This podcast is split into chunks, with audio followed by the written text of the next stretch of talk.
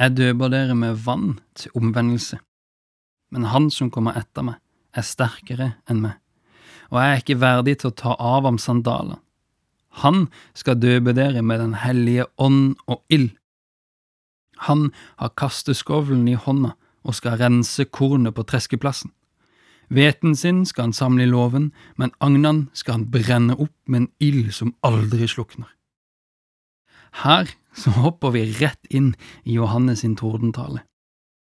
Han har nettopp snakka hardt mot de religiøse lederne, og kalt de barna Satan. Han har sagt at hvert tre som ikke bærer god frukt, skal bli hogd ned og kasta i ovnen. Og så, så kommer disse tilsynelatende fryktinngytende versene om at Jesus skal rense kornet på treskeplassen. Det høres med en gang ut som om Jesus skal rense folk. Altså skal han skille ut de som ikke har Han som Herre.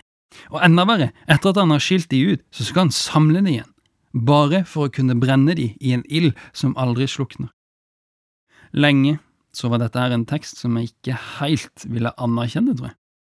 Den var litt for hard.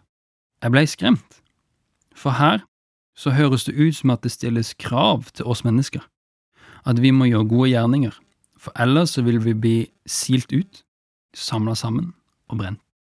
Og la meg bare slå fast med en gang, jeg tror ikke det stemmer. I Johannes kapittel 15 vers 5 så sier Jesus følgende, Jeg er vintreet, dere er greinene, og den som blir i meg og jeg i han, bærer mye frukt, for uten meg så kan dere ingenting gjøre. Vi skal ikke fokusere på å gjøre gode gjerninger. Vi skal fokusere på én ting og én ting alene – å bli i ham, og la Hans ord få bli i oss. Og så skal disse gode fruktene komme av seg sjøl, hva nå enn de er. Men dette løste bare deler av problemet for min del. For jeg hadde forstått dette bildet av Jesus som samla sammen de som ikke følger han, for så å kaste de i en evig, evigbrennende ild. Men jeg tror ikke det er det Johannes forsøker å fortelle oss her. La oss se på billedbruken i teksten. Når man på denne tida skulle rense korn, så kasta man det man hadde samla, opp i lufta. Hvetekornet, det som var matnyttig, det var tungt nok til at det kunne falle rett ned tilbake på treskeplassen. Men agnen, det som holdt kornet, det som ikke var ønska, det var lett, og det fløy med vinden. Og sånn kunne man skille ut av innhøstinga det som var nyttig, og det som skulle brukes. Og gjennom Bibelen så er tresking et bilde på dommen, det er et gjennomgående tema. Men her i Matteusevangeliet så får vi en liten, interessant detalj. Jesus står på sin treskeplass. I andre krønikebok så kan vi lese om at jødenes tempel ble bygd på en treskeplass. Og så, i første Korinteren 3, vers 16, så kan vi lese at nå er det vi kristne som er Guds tempel. Altså er det nærliggende å tenke at Jesu treskeplass i denne teksten, det sikter til hvert enkelt kristne menneske. Med dette i minne ser det ikke ut som det her siktes til at Jesus skal samle alle menneskene på dommedag, men det som det er snakk om her, det er en indre rensning hos oss kristne, vi som er Guds tempel. Dette igjen henger sammen med dåpen, som er et sentralt tema i denne teksten. Johannes sier at han døper med vann, men at Jesus skal komme og døpe på en mye mer gjennomgående måte, med Den hellige ånd og ild. Vi skal renses, men på grunn av Guds nåde gjennom Jesus Kristus, så skal vi ikke brenne opp. Fordi vi er døpt, så skal vi få leve.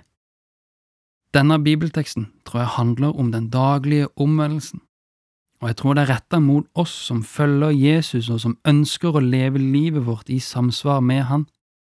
Når man blir døpt, så er man totalt neddykt og omslutta av Han.